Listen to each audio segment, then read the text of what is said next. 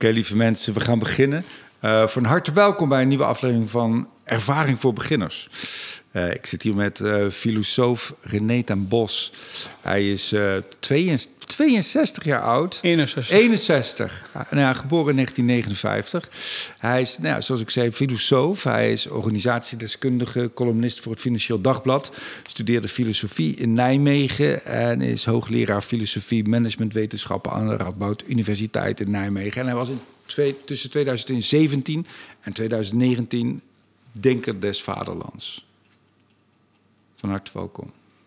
Dank je. Um, René, um, ik, ik, noem je René, zo, zo heet je, zo, ik noem, zo noem ik je gewoon. Dat mag, ja. ja, ja, ja zeker.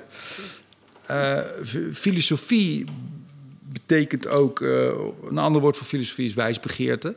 Uh, is dat hetzelfde of maak ik nou al meteen een fout? Nee, je maakt geen fout, dat is uh, synoniem. Ja. ja. Het mooie van de Nederlandse taal is dat we een eigen woord hebben voor filosofie. De, de, de begeerte om wijs te worden. Ja. ja. Um, wat is de beste manier om, om wijs te worden? Hoe... Ja, er bestaan heel veel uh, ideeën over. Hmm. Je, je, je, begint meteen met een, uh, een hele moeilijke vraag. Maar, ja. maar laat een paar voorbeelden noemen. Een van de beste manieren om wijs te worden is dat je, dat, dat je niet op alle dingen meteen instant reageert. Hmm. Of een van de beste manieren om wijs te worden is dat je je niet van alle dingen meteen iets aantrekt. Ja. Dus dit zijn allemaal opties geweest in de hele geschiedenis van de filosofie die naar voren zijn gekomen. Er moet een zekere onverstoorbaarheid of een zekere apathie of uh, dat, dat soort dingen moet je allemaal hebben. Maar je moet er ook voor zorgen dat, dat je niet alleen bent. Dat is ook altijd een idee geweest in de filosofie. Alleen Wij, je opvatting. Wijsheid is iets wat je samen bereikt met anderen. Hmm. Dus uh, dat moet je vooral niet uh, in eenzaamheid doen. Maar dat, dat zijn. Ja, dat, dan word je wijs. Maar het punt van de, dat, die term wijsbegeerte, of hè, Sophia en feline. Feline is houden van de wijsheid. Hè, dus je houdt ergens van, in dat houden, houden van zit ook altijd een, een, een, wens om iets te bereiken. Maar je, Hmm. je, je, gaat, je ambieert iets in de wetenschap dat je het nooit bereikt. Dat, dat, dat is uh, misschien wel het meest wijze van het woord filosofie. Hmm. Ja. Dat, dat je de bestemming niet bereikt. Dat je die bestemming niet bereikt. Ja, ja, het is, een, het is een, een constant proces. Dus, dus filosofie eindigt nooit met een uh, helder weten of zo. En, en wordt het wel helderder? Wordt het minder troebel naarmate je ouder wordt? Nee. En komt dat nee, voor mij helemaal niet. Nee. En komt dat omdat het gebied waar je over nadenkt tegelijkertijd groter wordt? Ja, het is, het is net, ja, je hoort het ook wel eens in sommige wetenschappen. Hoe meer je weet, hoe, hoe meer je erachter komt dat je minder weet. Ja. En, en, uh, en, en voor die wijsheid is dat natuurlijk ook zo. Hoe meer ik me verdiep in wat mensen over wijsheid en filosofie en dergelijke hebben gezegd, hoe, uh, hoe, hoe, hoe onduidelijker het eigenlijk wordt. Maar je, je, je wordt er wel rustiger en kalmer van. Dat, ja, dat, dat, je kan je onwetendheid makkelijker dragen. Ja, dat, zoiets is het wel, ja. Ja, ja. ja. En waar haal je het vandaan als je, dat, als je de verhouding... Je, hebt, je, ja, je, kan, je kan boeken lezen en je kan existeren, leven, dingen meemaken. Waar haal jij de meeste wijsheid vandaan? Nou, die haal je altijd uit gebeurtenissen. Dus filosoferen wordt heel vaak met denken gezet, uh, mm. gelijk geschakeld. Ik, ik weet niet of dat helemaal klopt. Ik vind niet dat iedere filosoof denkt. Uh, iedereen kan denken, maar denken doe je vooral, ga je vooral doen als er een bepaalde gebeurtenis in je leven is die als een shock komt of als een soort uh, ervaring of die, die, die alles op de kop zet. Dat soort zaken speelden dan een rol. En ik, ik weet al heel lang dat ik filosoof wilde worden, want ik maakte een keer mee dat een, uh, maar dat heb ik ook al, vaker gezegd, maar dat, dat een, een jong zusje van mij doodging. Hmm. Stierf. En vanaf dat moment schijn ik, althans volgens mijn ouders, allebei wijlen, God hebben een ziel. Maar de, volgens mijn ouders heb ik toen eh, mijn zinnen gezet op filosofie. Hoe, hoe oud was je toen? Acht, zoiets. Oh, dat is wel heel jong. Dat is vroeg, ja. ja. Het is ook niet altijd één constante lijn geweest hoor. Ik heb heel hoop andere dingen gedaan. Maar die, die, die filosofie als iets wat, wat tegen de absurditeit inpraat, dat vind ik heel leuk. Dus de werkelijkheid is absurd. Hè? En, en die werkelijkheid is absurd. Dat, daar zit het woordje absurdus in. Doof. Dus die werkelijkheid is doof voor je wensen. En daar kwam ik toen achter. Toen je, wil niet dat, overleed, ja, ja. ja, dat wil je niet. Dat wil je niet. Ja, En, en eh, dat tegen die doofheid van de werkelijkheid, dat die werkelijkheid er niet voor ons is, dat die niet luistert, daar toch tegen inpraten, dat is voor mij wel een soort van definitie van eh, wat filosofen doen. Zin geven aan iets wat zinloos is. Zoiets. ja. Ja. Daarin lijkt het ook wel een beetje op kunst. Jazeker. Ik geloof dat filosofie in menig opzicht dichter bij de kunst staat dan bij, eh, en, en zeker ook bij eh, zoiets als dichtkunst, dan bij, eh, dan bij wetenschap. Dat zullen veel filosofen, collega's en zo op de academie mij niet in dank afnemen, deze Hmm. opmerking. Maar ik geloof wel dat het zo is. Ik ben ook, ik ben ook iemand die bijvoorbeeld om zich te, te voeden, ik lees ook heel veel poëzie. Ik lees eigenlijk nou, wel net zoveel poëzie als filosofie. En dat is ook een bepaalde manier van denken die ik heel interessant vind. En, en wat, wat is die manier? Is het het associatieve? Ja, het, is, ja, het heeft iets associatiefs. Het heeft ook iets wat ik altijd heel leuk vind met denken, eh, denken via analogieën. Hmm. En, en, ehm, maar het heeft ook te maken met durven om te spreken. Ik vind dichters vaak eh, die zijn veel vrijer in hun eh, expressie. Ja. En, en dat, dat, eh, dat, dat vind ik vaak eh, erg, erg leuk. Dat raakt mij. En dat is natuurlijk in die zin als, als dichter makkelijker, omdat het nergens aan hoeft te voldoen. Er zijn veel minder wetten waar je, waar je aan hoeft te houden. Ja, ja, nou ja, het hangt een beetje vanaf hoe je dicht. Je hebt natuurlijk wel stijlvormen in die De dichtkunst. stijl wel, maar de inhoud niet. Nee, nee, dat klopt, ja. Ik, ik, heb, eh, dat, dat gaat echt alle kanten op. Een van mijn grote fans is die eh Twentse dichter... Of eh, fans, sorry. Een van die, mijn grote helden in die dichtkunst is... en ik ben dus een grote fan. Is, is, is die, die Harry de Balkt. Ja. Heb je, misschien wel eens van hem gehoord. En, en, en zo'n mooie, rokerige, doorforste stem kan hij dan mooi gaan schrijven... Hoe de, hoe de aardappelsorteermachine in het land kwam. Of hoe... eh, ik weet nog goed hoe de aardappelsorteermachine in het land kwam. En dan, en dan eh, die aardappels die er dan afvallen van zo'n stuk blik. En dat hij dat dan vergrijpt met tranen en dat soort zaken. Dat is heel mooi. Niets steekt filosofen meer naar de kroon. Of nee, hoe zegt hij dat nou? Niets steekt filosofie meer naar de kroon dan de scholven in het eh, Stoppelland. Kijk, dat Naar de is schoven? scholven, scholven. Dat zijn, dat zijn van die, eh, die, die hooibergen die Oh, met ja. touwen aan elkaar Ja. zijn vastgebonden. Ja. En, en dat, dat vind ik gewoon prachtig. Dus dat, dat, eh, ja. En als je dan zo'n moerassig, dom land ziet... en je loopt dan door Twente of door Gelderland of Brabant... maakt allemaal niet uit... dan, eh, ja, dan, dan, dan begrijp je wel wat hij bedoelt. Ja. En heeft het, heeft het je. ehm, nee, dat, dat wil ik eigenlijk eerst even zeggen. Je- Jij zegt van eh, eh, wijsheid is ook om niet direct ergens op te reageren. Toen, toen moest ik meteen denken aan dit boekje, wat je Ja, hebt geschreven, ja, ja. De, de coronastorm. Wat jij midden in de storm geschreven hebt en eigenlijk vrij primair hebt gereageerd op, op de gebeurtenissen. ja. Dat kan dus ook. Ja, het was ook geen wijze daad om dit te doen. Maar er zijn meer motieven om eh, iets te doen dan alleen maar wijs willen zijn. Hmm. Of bedachtzaam en dat soort zaken. Ik maak mij grote zorgen.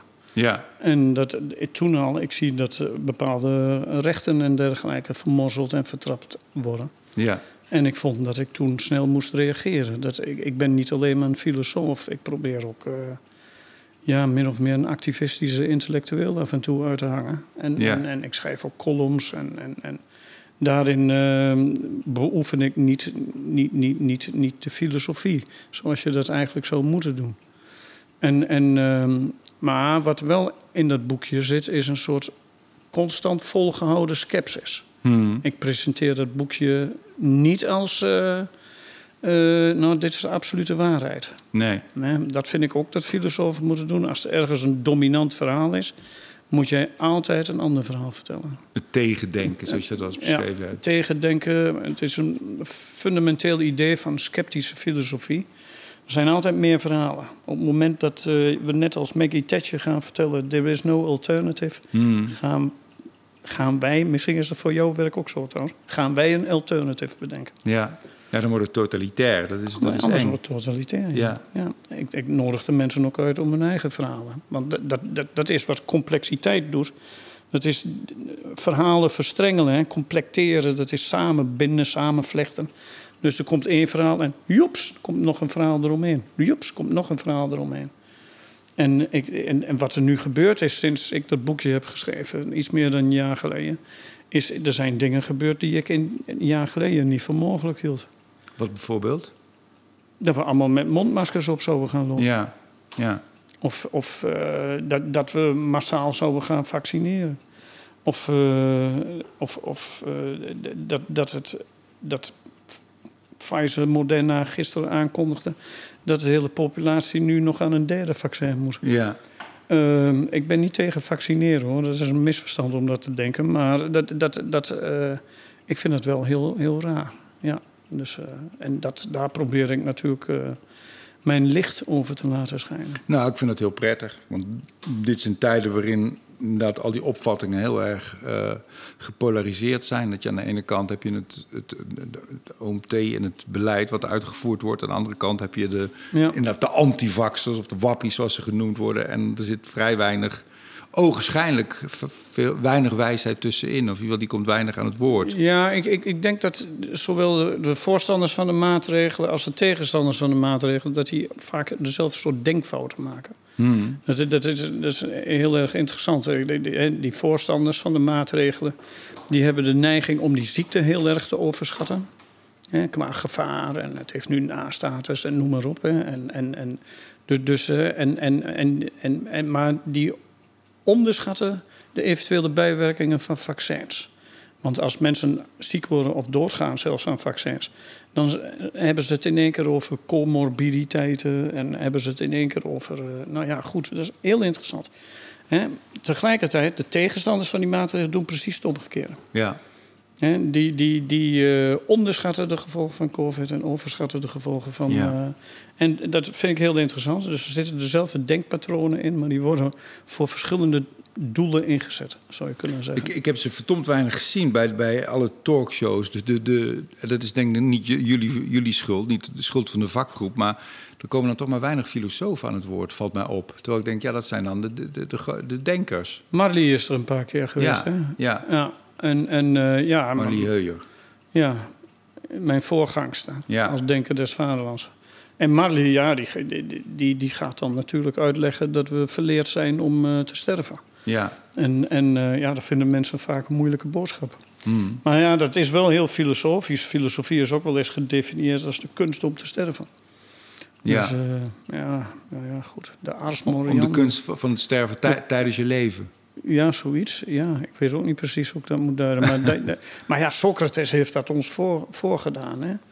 Dus, dus uh, maar de, Socrates die werd ter dood veroordeeld. En zijn vrienden wilden allemaal dat hij uh, weggevoerd zou worden uit uh, Athene. Zodat hij de dans zou ontspringen. Maar dat deed hij niet. Hij dronk gewoon de gifbeker, ferm de gifbeker leeg. Ja.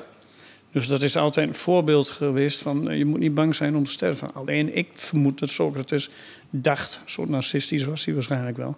dat hij uh, niet dood zou gaan. Want vlak daarvoor geeft hij een heel bewijs... voor de onsterfelijkheid van de ziel. Hmm. Dus uh, Socrates dacht dat hij onsterfelijk was. Dus het hele idee dat hij uh, zou sterven... dat kwam bij hem niet aan. En zo kan ik het ook natuurlijk. ja.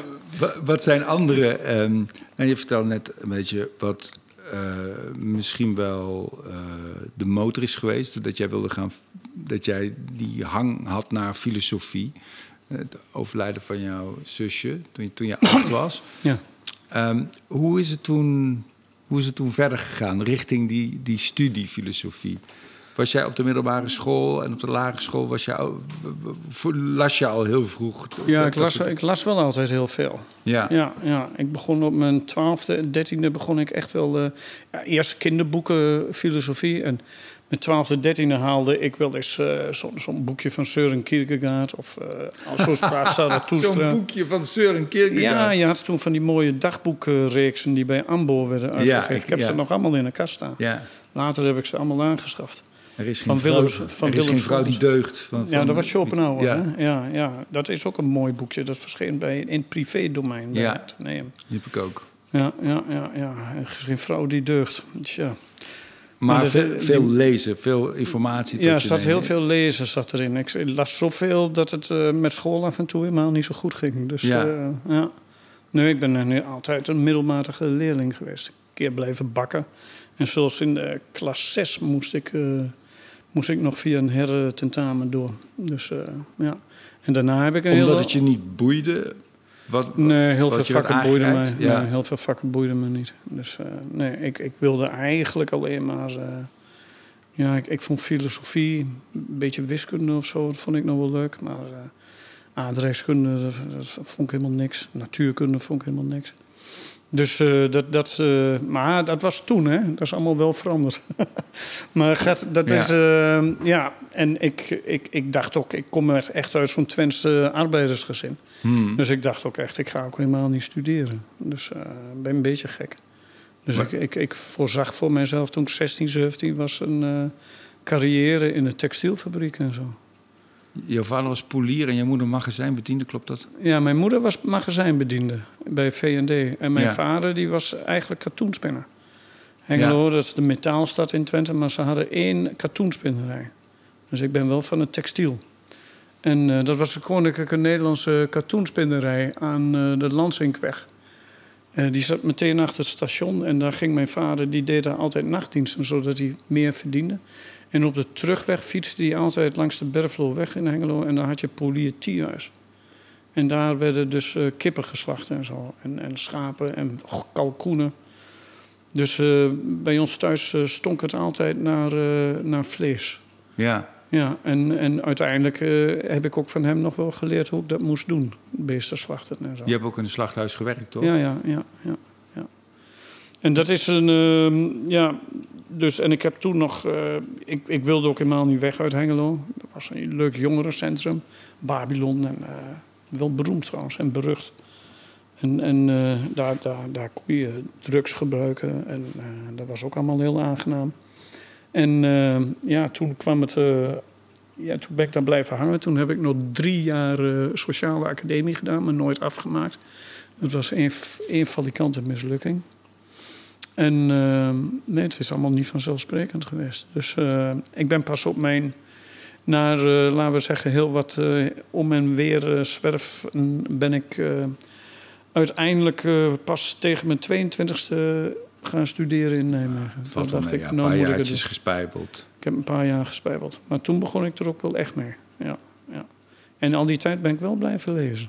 Ja. En Want voornamelijk filosofie. Ja, filosofie, maar ook, ja, ook heel veel romans. Ja, Ik bedoel, die, die, ja, bij Van Oorschot werden die boeken van Dostoevsky uitgegeven. Dat zijn natuurlijk van die mooie filosofische romans. En die, die, die las je.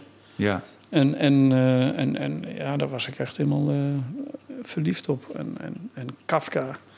Dat, dat, dat soort boeken las je, maar de hang na verloop van tijd ging toch wel steeds sterker naar filosofie. En dan begon ik toen allemaal, eh, ja. En uiteindelijk besloot ik, dat, besloot ik om dat te gaan studeren. En dan was ik na vijf jaar weer mee klaar. En want, wat moet je dan? Want filosofie is toch ook een studie waarbij je, de kans ook groot is dat je, dat, ja, dat je daar geen geld mee kan gaan verdienen, toch? Ja, dat was ook zo, ja. Nou, dat trok mij bijzonder aan. dus eh, ja, ik, dat vond ik wel een teken van beschaving. Iedereen die maar hoopte op een baantje en zo.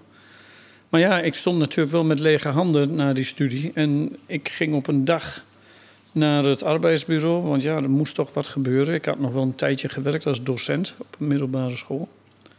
Engels. En eh, ik was ook nog een tijdje in, Engel, in Schotland geweest. En eh, toen kwam ik. eh, ehm,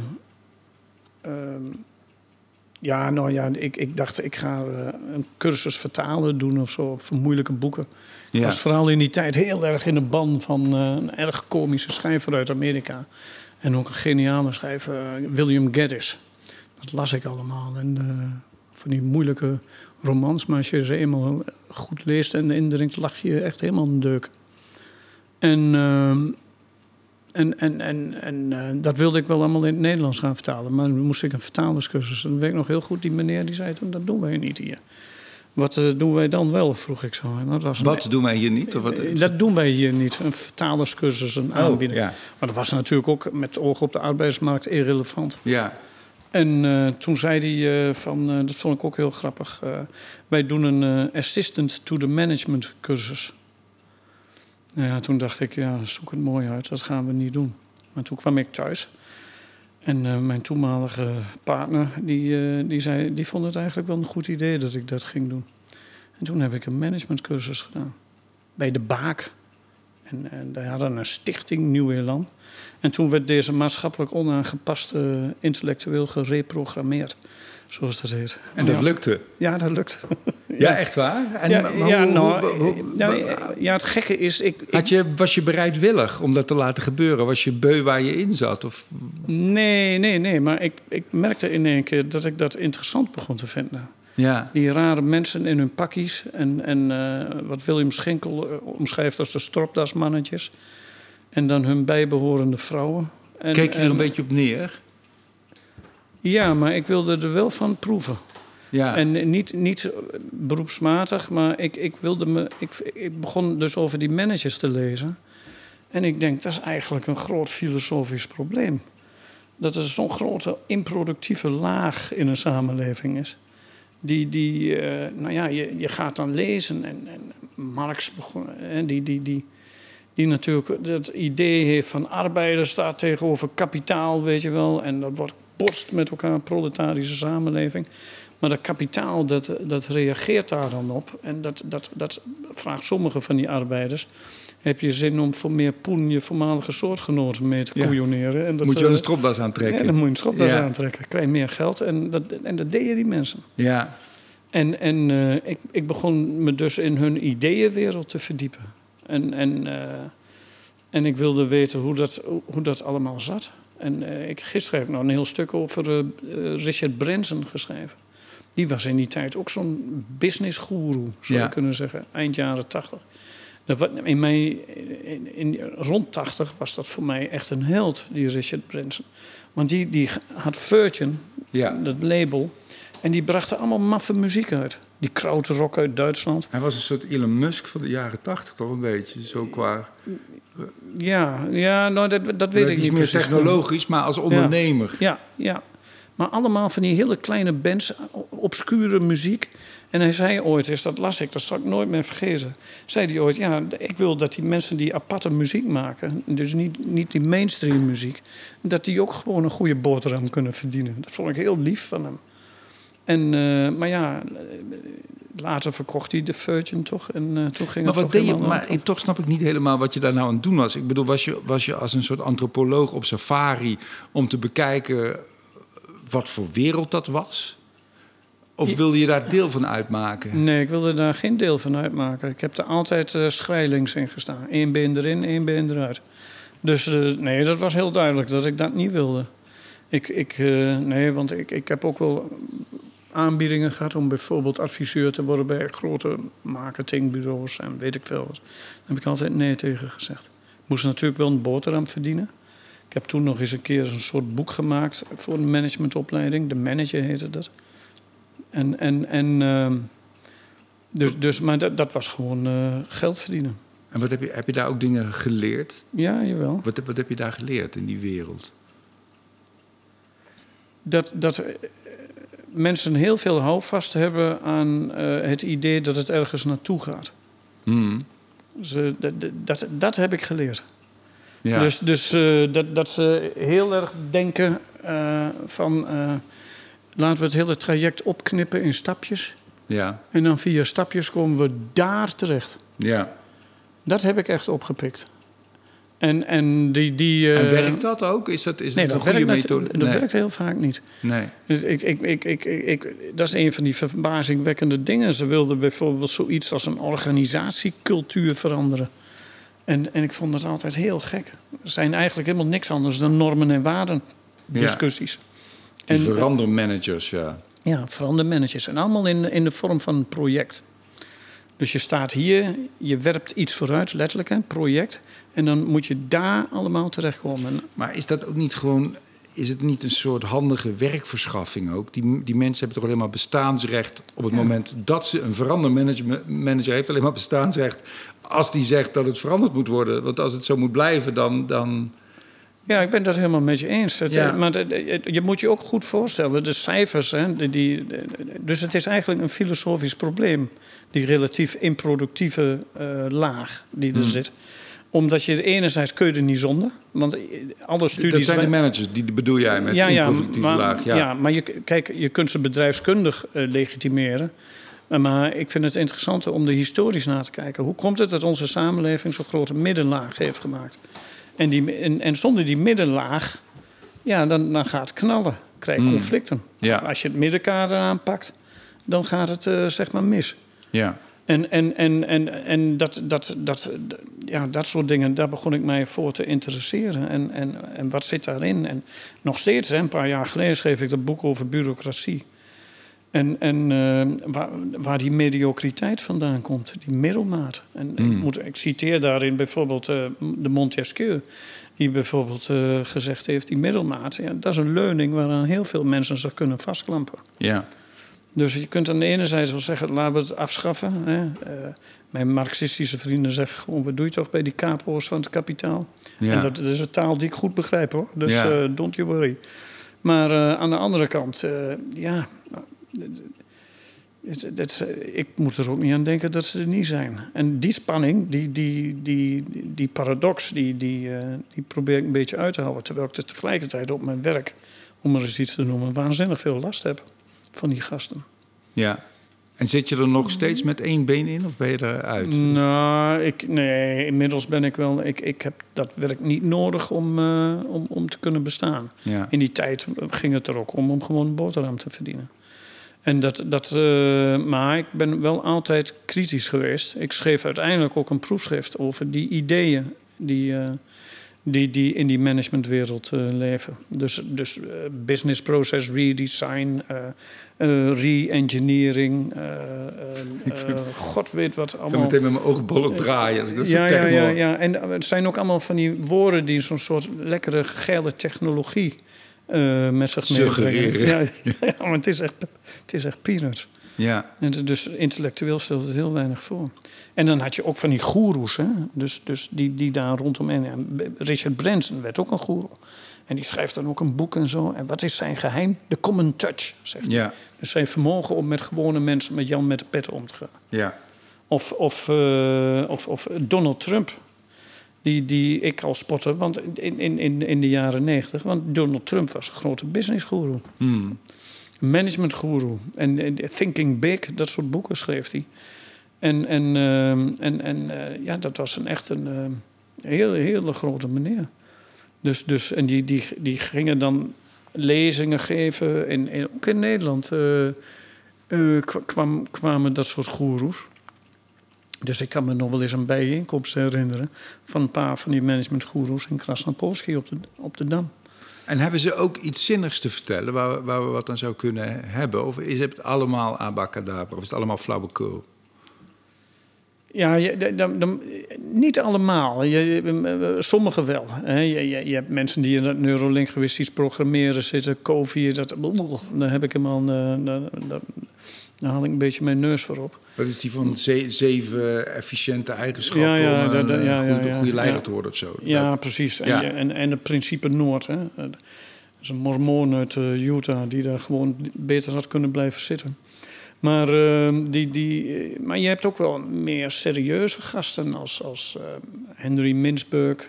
Dat is gewoon een academicus die per ongeluk heel veel boeken verkocht. En, en best wel interessant. En daardoor heel populair wordt. En, en, en uh, die, die, die dus ja, nog steeds actief is. En ja, dat, dat, dat is niet een, een, een, een charlatan of zo. Dus, maar, maar ja, heel verschillend.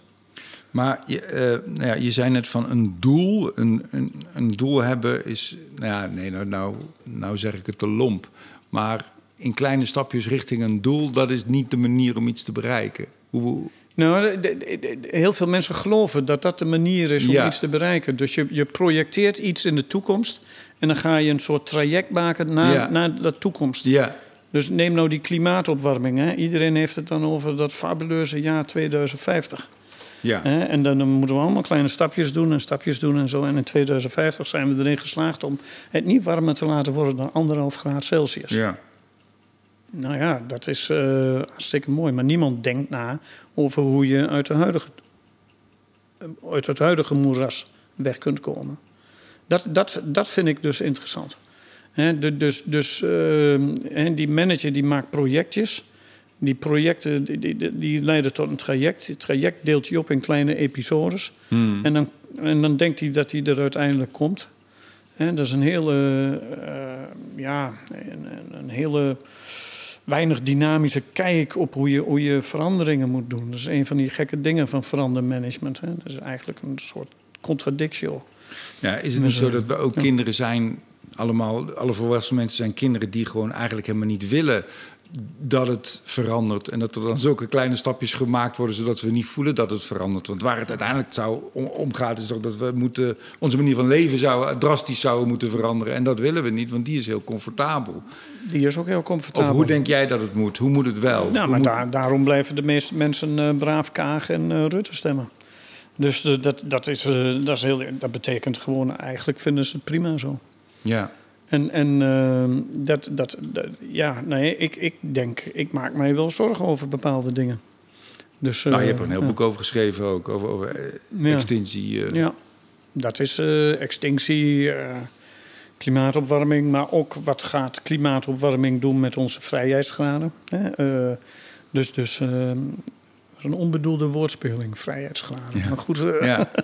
maar eh, de, de, ehm, ja, dat, dat, ik, ik, dat coronaboek dat draag ik op aan die zeven kinderen... waar ik dan eh, samen met mijn echtgenoten verantwoordelijk voor Hmm. ben. Dus eh, die gaan eh, het meemaken. Ja, wat moeten we, wat moeten we doen, meneer de filosoof? Hoe, hoe, hoe moet het nu verder dan?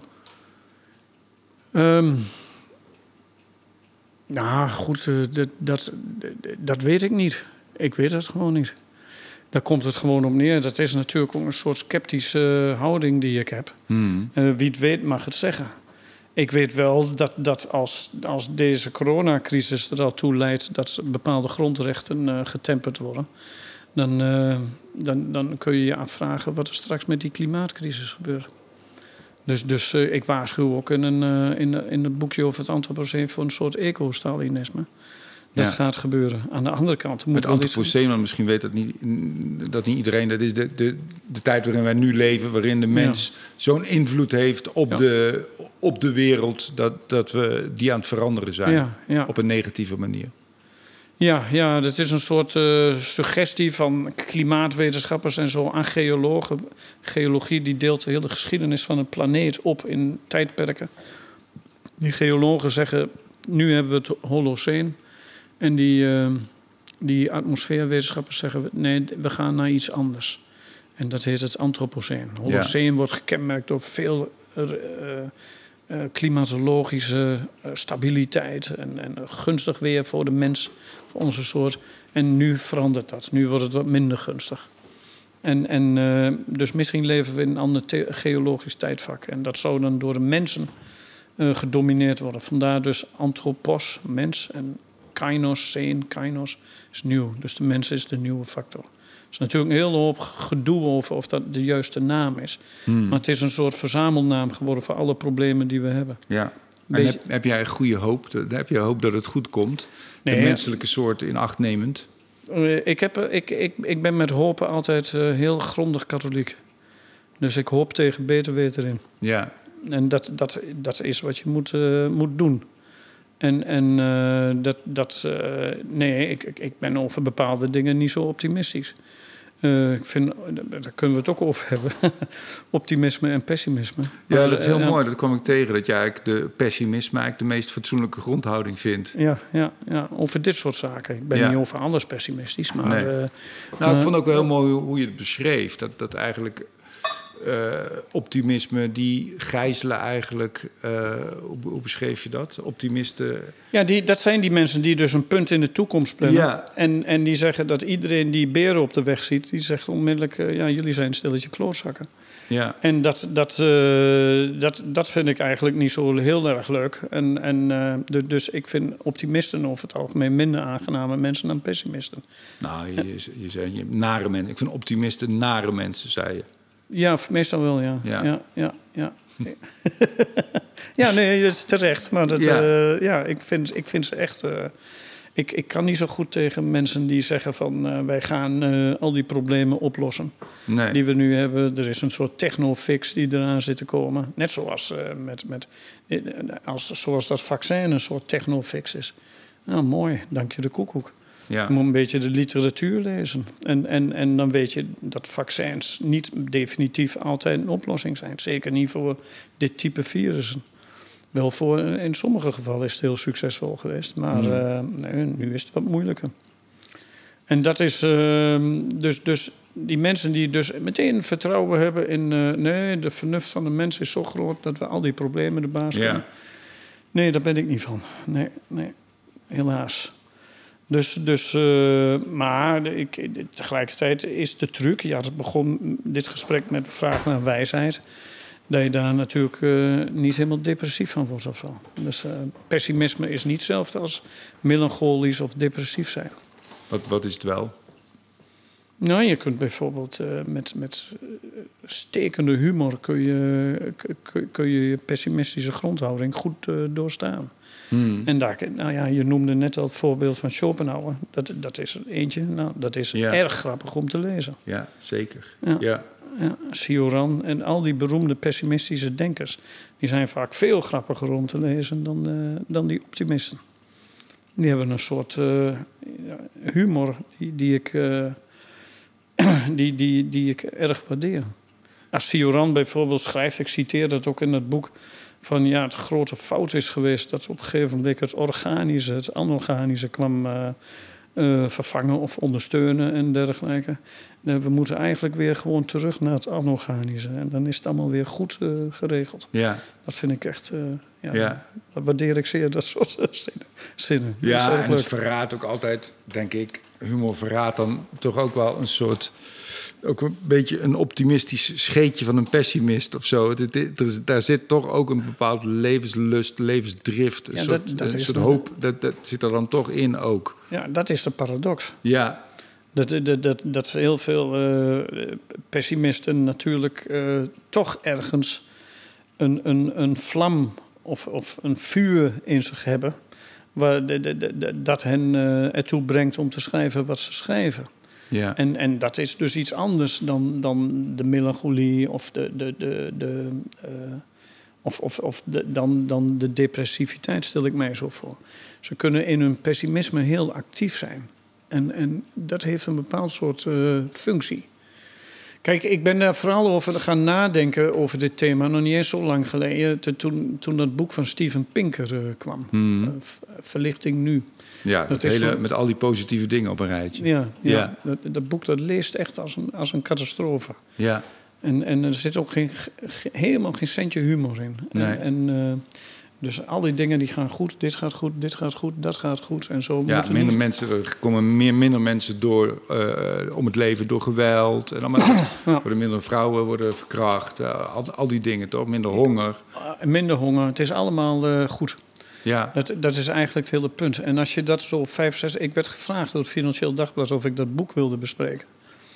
En ik werd, ik werd helemaal verdrietig van dat boek op de een of andere ja. manier. Goh. Omdat het ellende ontkent? Waarom had je er verdrietig om? Ja, het, het, het, ontkent ellende. Het doet geen recht aan, aan, aan uh, bepaalde filosofen. Je kunt niet echt... Uh, bijvoorbeeld wat hij uh, schrijft over Nietzsche is echt uh, zoomkotsen in dat boek. Om het maar even in Duits te zeggen. Ja, ook, ja, ja, ja, ja. ja. En, en uh, dus, dus hij zit een soort ideologische agenda in te vullen. En maakt van de verlichting iets wat de verlichting eigenlijk helemaal niet was. Hmm. En dat, dat, dat maakt hem een uitermate onaangenaam schrijver. Een nare optimist. En ja, dat is een voorbeeld van zo'n nare optimist, ja. ja. die in feite ook gewoon alles ontkent. Maar tegelijkertijd eh, kun je, kun je niet ontkennen dat, dat het kapitalisme toch op sommige opzichten wel bepaalde vooruitgang teweeg brengt. Hmm. Dus dat, dat, dat, dat is ook wel bekend. Maar je moet over die, eh, ja, het is geen reden om je op de borst te kloppen. Dus, uh, toch? Nee. Nee, denk ik moet ik. meteen aan Indonesië denken en het koloniale verleden. En dat Nederland daar ambtenarij heeft gebracht en infrastructuur en wegen. Ja, mooi hè? Ja, maar ja, het is een mixed bag. Maar uiteindelijk stinkt die wel natuurlijk. Ja, natuurlijk stinkt waanzinnig. Ja, en Ja. dat moeten we niet eh, ontkennen. Ja, maar goed, eh, dat, dat is. eh, ja. Dat, dat, dat, eh, dat vinden we. Nee, je, kijk, dat is het uithouden van die paradoxen. Dat is wat filosofie doet, denk Hmm. ik. Hè? En, en ja, die, die, die, die- wat we net zeiden over managers. Ja, oké, ik zie die kant wel. Hè? Het ondermijnt veranderbereidheid. Het, het zorgt ervoor dat dingen stagneren. Eh, mensen eh, koesteren zich eigenlijk in hun comfortabele middenpositie. Hè, in hun eh, gezapige mediocriteit zou je kunnen zeggen. Dat is de ene kant. Maar hoe zou een samenleving eruit zien zonder zo'n middenlaag? Als je kijkt in de wereld weer, dan zie je overal zijn de oorlogen vooral daar waar niet zo'n stabiele middenlaag ontbreekt. Ja. En, en, en eh, dus, dus Maar heeft dat niet meer met, met eh, welvaart te maken? Dat die geniveleerd moet zijn? Is, heeft dat niet meer met, met, met geld ja, te maken? Ja, ja, tuurlijk heeft Ja, dat met een redelijke verspreiding van welvaart te maken. ja. Waarom is India ondanks alles een vrij stabiele democratie? Omdat het, zeggen eh, analisten hiervan, om, omdat, omdat het toch een vrij groot midden, middenlaag heeft. ja. Van mensen die redelijk wel te doen zijn. En, en, eh, en, en dat, dus, dat, dat blijft een heel belangrijk punt. Hè? En, en zo is dat ook een beetje met kapitalisme. Ik, ik bedoel, ik profiteer ook van het kapitalisme. En dat doen, ik heb nogal wat Marxistische vrienden. Die doen dat ook. Die komen ook graag eh, een goede Riesling bij mij zuipen. ja. Dus, eh, dus het is altijd heel dubbel. Ja, dat is het paradoxale, toch? Ja, dat ja, is, precies. de- daarom, daarom zijn mensen die denken dat ze gelijk hebben ook zo akelig. Omdat het altijd, omdat dat een veel te, te stevige ondergrond is voor de wankele, wankele, wankele situatie waar Ja. je in wezen. Ja, en ik vind het dus altijd leuk om die, om die ondergrond, eh, ja, om dat een beetje te vertroebelen, modderig te maken. Dat zie je eigenlijk als jouw belangrijkste taak. Ja, ja, ja, ja. ja, Ja. ja. Ik ben een. eh, ik kwam dat laatst tegen ten aanzien van zo'n Duitse filosoof. Een heel mooie, mooie omschrijving van iemand. Norbert Bolz heet een conservatieve filosoof. En, en, ehm, en, en, eh, en die werd omschreven in de Süddeutsche Zeitung als een eh irritationskunstler. Wat schitterend begrip. Ja. Ja, wat mooi. Ja, ja, ja. Dus een irritatiekunstenaar, dat zou ik wel willen zijn. Ja. Dat, dat, dat hoort er wel een beetje bij. De filosoof als, eh, als, als irritatiekunstenaar. En, en ja, eh, misschien vind jij dat ook leuk. Dus eh, dat weet ik niet. Maar dat, dat hoort er toch ergens een beetje bij. Ja, vind ik ook leuk. Ja, Want ik vraag me ook af, want als je dat, als je dat vak beoefent eigenlijk, of als dat ook in je DNA zit, om het zo maar te noemen, ehm, maakt dat ook dat, dat, dat, het, dat wat je verkondigt uitmaakt met wie je praat? Of is jouw gedachtegoed stabiel? nee, het is niet stabiel. Nee, zeker niet. Ik, er is voortschrijdend inzicht. Dat sowieso, natuurlijk, ja. ja. Maar ik heb natuurlijk wel bepaalde helden in de filosofie die mij heel erg eh, inspireren. En die Hmm. mijn denkbeeld natuurlijk, of mijn, mijn denken, heel erg eh, bepaald hebben of mede bepaald. Dus dat, dat, eh, dat, dat, dat, dat speelt wel een rol. Ik, ik, ik zal niet zo gauw Engelse filosofie omarmen. Dus ik, ik zit toch heel erg meer in die continentale. Dus dat heet in de filosofiewereld, maar dat is allemaal jargon, maar dat, dat, meer in de Duitse en de Franse hoek. ja. Dus, eh, dus, eh, En noem eens een paar namen, dan kunnen mensen dat ook een beetje gaan... eh, nou ja, iemand die uit Frankrijk, die, daar zijn bijzonder twee denkers waarvan ik dan die, die heel graag verbindt. Dat is Gilles Deleuze en, Ja. en, en, en Michel Serre. Twee jaar geleden overleden. Ik- En ik heb hem nog eens mogen toespreken hier in Amsterdam toen hij hier een paar jaar voor zijn dood was. Ontzettend sympathieke oude reus. En ehm, ja, dat zijn voor mij interessante filosofen. In Duitsland heb je Hans Blumenberg, Odo Marquardt. echt die bij die sceptische, wat meer conservatievere traditie thuis horen. Die, die Gilles. Deleuze, ik heb wel eens iets van hem gelezen. Die heeft ook veel over waanzin geschreven, toch? Over gekte. Is hij dat of niet? Nee, dat is Michel Foucault, ja. Ja, natuurlijk heeft de Deleuze ook wel daarover geschreven. Ja, het doet er eigenlijk niet zo toe. Ik, ik, wat ik me eigenlijk afvroeg van waar is er ook een soort scheidslijn waarin het, het controversiële denken, eh, eh, of het, het, het wankele denken eigenlijk te wankel wordt en eh, de richting van de waanzin. eh, Nou ja, toen we in, in het begin van het gesprek eh, het hadden over denken. Hè, en, en, en even, hè, dus, dus wat is dat denken nou? Toen zei ik zo van denken, dat overkomt iedereen wel eens. ja, Nou, dat is echt een Deleuziaans inzicht. ja, Heel vaak hebben mensen een beeld van het denken. Daar heeft Deleuze het ook over. Dat noemt hij ook echt, hè, l'image de pensée. En, en, en, dan, en dat, dat oké, wij gaan eens even leuk denken. Hè, dat, zo willen fotografen mij ook graag Ja, zien, hè. ja. Die hand onder die kin en dan Ja. zo kijken en voor zo. een, liefst voor een boekenkast. Ja, ja, en als we dit gesprek en dan zitten we en dan Ja, zo. je ja. En, en dat, dat is iets wat... eh, eh, dat is eigenlijk geen denken, zegt hij. Denken komt altijd binnen. Het is iets wat je overkomt. En dat Bijna is als echt- inspiratie. ja, maar ook als, als, als, een, als een shock of als een. Er, scheurt iets in jouw bestaan, in, eh, in jouw existentie. En dan ga je in één keer denken. Zie je natuurlijk ook qua samenleving. We hebben die, die afschuwelijke aanslag gehad hier van de week op, op Peter R. de Vries. En plotsklaps beginnen mensen in één keer te denken. Hadden we hier in de inleiding ook nog even over, voordat dit gesprek begon. Over van hoe zit het eigenlijk met, met het drugsgebruik in dit land? Hmm. Dan, dus dus het, het denken is iets wat zich opdringt. Bijna een soort, ik moet denken aan een soort littekenweefsel bijna. wat ja, ge- maar- zo, zo Ja. noemt hij dat déchirure, hè, een, een, scheur. ja. Hè, het, het brengt iets, eh, het is een verwonding Hmm. hè, bijna. En, en, en, en dus denken is niet zomaar iets, eh hey, dan gaan we eens even, hey, hey, Theo. En, eh, Dus het kan niet vrijblijvend zijn. Er is een bepaalde urgentie nodig. Is dat een factor? Ja, ja er, er, er komt een soort shock of een soort scheur of iets wat onbegrijpelijk is. En dat dwingt jou tot denken. Maar Ja. denken is dus ook heel vaak gewoon onwelkome gast. Hmm. En, en, eh, en, en, en, en dat, dat is. eh, ik, ik, ik bedoel, me- mensen vragen mij heel vaak: zit jij nou de hele dag te denken? Ja, nee, dat is helemaal niet zo. Nee. Dus meestal denk ik niet zelfs. Nou, maar ik kan me ook voorstellen dat naarmate je ouder wordt en, en meer ervaring hebt, dat je ook minder snel ge, gechoqueerd bent en dus minder aangezet wordt tot Ja. denken. Ja, dat is, eh, nou, misschien is dat wel wijsheid. Eh, dat, dat, dat je dan eh, wijsheid erin bestaat dat je denken eindelijk eens stil hebt gezet. Hmm. Maar we hebben allemaal beelden van het denken. Hè. Van denken is bijvoorbeeld, eh, wat beschreven als, hè, nou ja, van hier naar daar, dat planmatige, als Ja. een beeld van denken.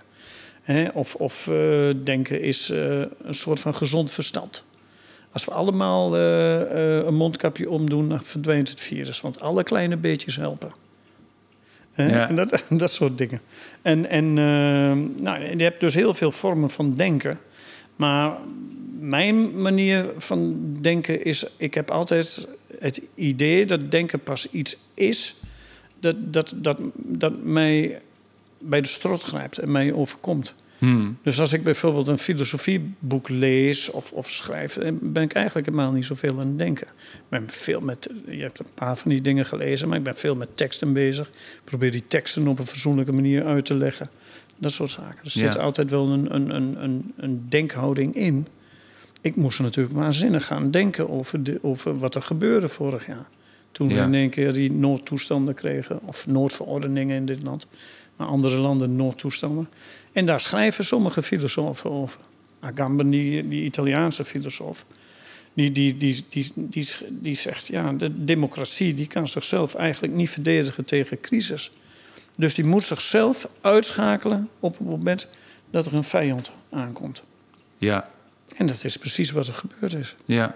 En dat... dat, eh, en dat Waardoor we bereid zijn om af te zien van, van rechten. wij, wij zijn bereid om af te zien van rechten. Dus in die, in die trias politica zie je dat alles in de richting van de uitvoering schuift. En dat dat ten koste gaat van eh, de wetgevende en, eh, en, en, en de rechterlijke macht. Ik vond het heel mooi. Ik kwam iets tegen. Jij, jij citeerde, geloof ik, een, een Poolse dichteres die het had over denken. En die zei dat denken eigenlijk het mooiste denken is, is ongedisciplineerd en Ja. zedeloos Ja. ja. en wild. Dan zie je dus weer zo'n dichter, hè, eh, Szymborska. En, en eh, dat, is zo, dat is ook zo erg Deleuziaans. Hè? Dus dat, dat, eh, de, dat zedeloze, dat, dat, dat niet, niet denken, dat zich niet aan regels houdt. Hmm. Dat, denken ook dat dat ook niet altijd heel leuk is. Hè? Ik, ik denk ook soms hele nare dingen. Ja, En, en, en, eh, hè, maar we hebben allemaal zo'n positief beeld van het denken. Als iets dat mooi is. Maar het denken kan ook helemaal de verkeerde kant uitgaan. En, Ja. en, en eh, als je s'nachts in bed ligt en te gruwelen... en wat voor een angstig wezentje dan, dan je bent... lig je op je ene oor te luisteren naar je hartslag en weet ik veel wat. En, en, en, eh, en, en dan word je in één keer boel... totdat je toch weer in slaap valt en de volgende dag weer wakker wordt... Eh, dat is even voor de helderheid. Dat overkomt me lang niet altijd hoor. Meestal niet. Maar eh, ik slaap meestal als een os. Maar eh, dat, dat, dat, is, dat, dat is interessant. Dus we hebben allemaal het beeld van denken dat, dat het iets ja, schoons is en iets moois. Kan ook wel. Maar het heeft ook iets smerigs. Maar ook dat idee van één recht, rechte lijn. Wat die Franse filosofen... die, die samenloopt met de, de, de moraal die heerst. ja, met de moraal die Ja, heerst. Ja. dat begrijp ik helemaal niet. Dus, dus eh, denken is voor mij ook dolen. Eh, is is eh, rondgaan, is eh, eh, eh, randonneren, hè, zoals de Fransen zeggen. Hè. Dus eh, van at random. Hè. Dus, dus, Ja. dus het gaat in één keer alle kanten op. eh, dus het is, Nou, het is grappig, En dus in die zin ongedisciplineerd. Ja, want eigenlijk is dat de structuur waarin ik mijn shows probeer te maken. Is eigenlijk een soort oprechte inkijk in mijn grillige, ongestructureerde ge- eh, ge- gedachtenwereld. Nou, die alle kanten op gaat en die van alles kan denken aan, aan alle kanten van het politieke spectrum en alle kanten van de moraal. En, eh, ja, ja, nou mensen- ja, dat, dat, dat zedeloze, dat ongedisciplineerde, dat zie ik in jouw tekst. En zoals jij ze voordraagt in die show, zie ik ook. En dat vind ik heel leuk. Ik Dat geloof ook dat ook wel. heel grappig. Nou ja, bedoel, dan heeft het natuurlijk een vorm. Want ik doe het dan in een Ja. theater en dan, dan laat ik mijn kunstjes zien. En dan Ja. betalen mensen daarvoor. Maar ergens denk ik dat het wel. Ik denk dat het belangrijk is en dat het ook gezond is dat mensen zichzelf dat ook wel ergens toestaan. Ja. Nou ja, ik, ik, ik, ik ben natuurlijk geen cabaretier. Of, en, en, maar, maar mensen, ik geef natuurlijk wel lezingen in het land. Mm. En mensen hebben vaak ook wel eens gezegd: het lijkt wel cabaret. Ja, In die zin, hè? want ik durf ook voor een publiek, durf ik gewoon echt wel mij te laten gaan. ja. Het, het, het is, enerzijds is het precies eh, geprepareerd. En, en, en ik, ik, ik heb mijn trucjes, ik heb mijn antwoorden. En, en, en is het helemaal niet spontaan. Maar heel soms kan het ook wel heel spontaan zijn. En dan hoor ik mijzelf in één keer dingen zeggen, omdat ik die dingen denk. Waarvan ik denk, had ik dit nou wel moeten zeggen? Heb, je eh, last van deze moralistische tijd? Of vind je het wel spannend om daarmee Nee, te heb, stoeien? nee ik, ik vind een tijd die heel eh, moraliseert, dat is een tijd eh, die niet goed is. Hmm. Dus overal waar eh, als burgers van een land zeggen dat normen en waarden ongeveer het belangrijkste zijn, weet je dat een burgeroorlog op de loer ligt. Ja? Ja, dat is een lekkere uitspraak. hè? Ja, ja, bout. maar ja. Maar eh, nee, ik heb alle grote ethici in de hele geschiedenis van de filosofie juist gezien als mensen die proberen om eh, het lontje uit het morele kruidvat te halen. Ja, En oorlogen beginnen vanwege morele oneenigheid. ja. Jouw stijl van leven past mij niet. Eh, ik vind dat jij je moet aanpassen aan ons. Eh, jouw geloof bevalt mij niet. Eh, en dat, gaat allemaal om. om, om begint altijd met morele disputen. Of ik vind dat jullie te veel verdienen. Of te veel voorrechten toe-eigenen. Noem maar op. En kijk, en, en op het moment dat die moraliteit ook. wij zijn allemaal morele wezens, heb jij, heb ik. Gelukkig, ja. Maar, maar op het moment dat, dat morali- die moraliteit of die ethiek omslaat in moraliseren, Hmm. iets opleggen, dan wordt het op een bepaalde manier gevaarlijk. En dat, dat, en maar ook hier weer die dubbelheid. Ik vind wel, ook mede doordat die aanslag hier geweest is, eh, dat, dat, dat, dat mensen misschien toch eens moeten gaan nadenken over hun gesnuif. Ja, Dus, dus, eh, dan moraliseer jij ook. Ja, Ja. eh, want ik ben het wel. Ik, Ja. ik, en als mijn kinderen, of onze kinderen, eh, die, die, die, eh, we hebben zo'n postmodern samengesteld gedoe thuis. Als die lopen te slurpen en te smakken, dan zeg ik daar wat van. Ja, Dus, dus, ehm, en, en, en, dus je doet het wel. Maar als het zo dominant wordt dat de ene groep denkt dat de andere groep het leven ja, kunt bepalen wat je moet doen, dan denk ik dat dat vervelend en maar ja dat, gevaarlijk dat, is. dat vind ik zelf heel ingewikkeld van deze tijd. Van je, want je, je zou ook kunnen concluderen door hoe alles uit de hand loopt met de wereldbevolking, het klimaat en alle consequenties die dat heeft, dat, dat mensen ook een bepaalde vrijheid helemaal niet aankunnen. Nee. Ik, eh, du- dus wat doen wij dan? Hè? Eh, Klimaatopwarming en dan komt die morele discussie. En dan, die gaat dan over eigen verantwoordelijkheid. Dat is echt zo'n neoliberaal ding. Ja? En, en, eh, want als wij gezond verstand, als wij allemaal onze eigen verantwoordelijkheid nemen, dan, is de, dan ligt het ecologisch, de ecologische utopie om de hoek. Ah ja, zo werkt dat niet. Dat, dat is volgens mij niet zo. En ik, ik, ik, dus we kunnen bijvoorbeeld allemaal besluiten, laten we niet meer gaan vliegen. Maar Ja. in werkelijkheid draagt dat vliegen helemaal niet zoveel bij. Ik las gisteren bijvoorbeeld een heel interessant stuk waarin eh, aangetoond werd dat, ze- dat de gezondheidszorg, zoals die wereldwijd georganiseerd wordt, met al die machines en die apparaten, veel meer CO2 uitstoot dan de hele luchtvaart bij elkaar. echt waar? Ja, ja, Zo. dat is dus heel erg interessant. Vlees eten is volgens mij wel echt een eh, belangrijke factor. Ja, ja, doe jij het nog? Ik doe het wel een beetje, ja. Ja, ja, ja, ja. Ik niet. Ik ben er ooit mee gestopt. Nou, dan ben je een beter mens dan ik. Nee, ja, ja, dat is heel duidelijk. Ja. Ik eet wel vis hoor. Ik, ben, Ja. ik voel me ook helemaal geen vege- vegetariër. Nee. Ik eet veel vegetarisch. Maar ik, ik, ja, ik heb ooit eens eh, met varkens in de weer. Toen dacht ik, geef mijn portie maar een fikkie. Maar ik ben een jaar of tien geleden ben ik weer vis gaan eten. Op advies is- van mijn arts. Maar het is een moeilijk dilemma, vind ik. Van, van, eh, nou, ook met de, grote klimaatcrisis die op komst is. Als dat allemaal waar is.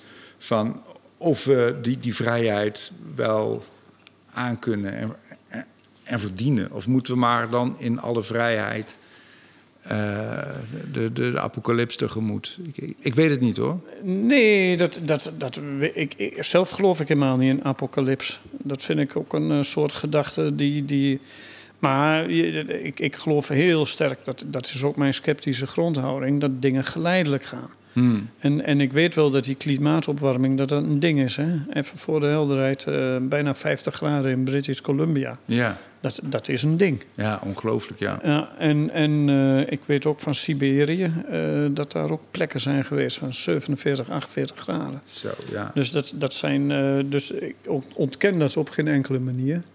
Maar het zal, die gemeenschappen daar worden echt heel hard geraakt. En ook eh, in India bijvoorbeeld, aan de, aan de westkust, Bombay, heeft hurricanes tegenwoordig. Dat is nooit voorgekomen dat de Arabische Zee hurricanes heeft of orkanen. En dat, dat, dus, er gebeurt wel wat. Hè? Dus die, het weer wordt extreem. Maar heel veel mensen hebben daar nog steeds geen last van. Zo. Ik wist niet dat het al zo laat was. heeft, het, heeft het geholpen? Je- Is het een goede remedie geweest om filosofie te gaan studeren, om te gaan filosoferen? Ja, dat Heeft is voor, ja, voor mij is het wel heel goed geweest. Ja. Ik ben er wel stabieler van geworden uiteindelijk. Dus door al die eh, ontkenning van stabiliteit, die scepsis die er overal is, eh, heb ik wel een soort evenwicht gevonden. Ja, dat is, wel- dat, dat, dat is wel grappig. Ja. Ik ben niet meer zo boos als vroeger. Dus dat, dat, eh, dat heb ik ook wel. Ja. Wa- Was je heel boos? Lang? Ja, ik was wel boos, ja. ja, ja. Af en toe flink langs het randje gegaan. Soms met justitie in aanraking. Dus, dus eh, en nu is dat allemaal eh, anders. Dus het is, is goed voor mij geweest. Zeer heilzaam. Fijn. Ja. Heel, heel erg bedankt, René. Graag gedaan.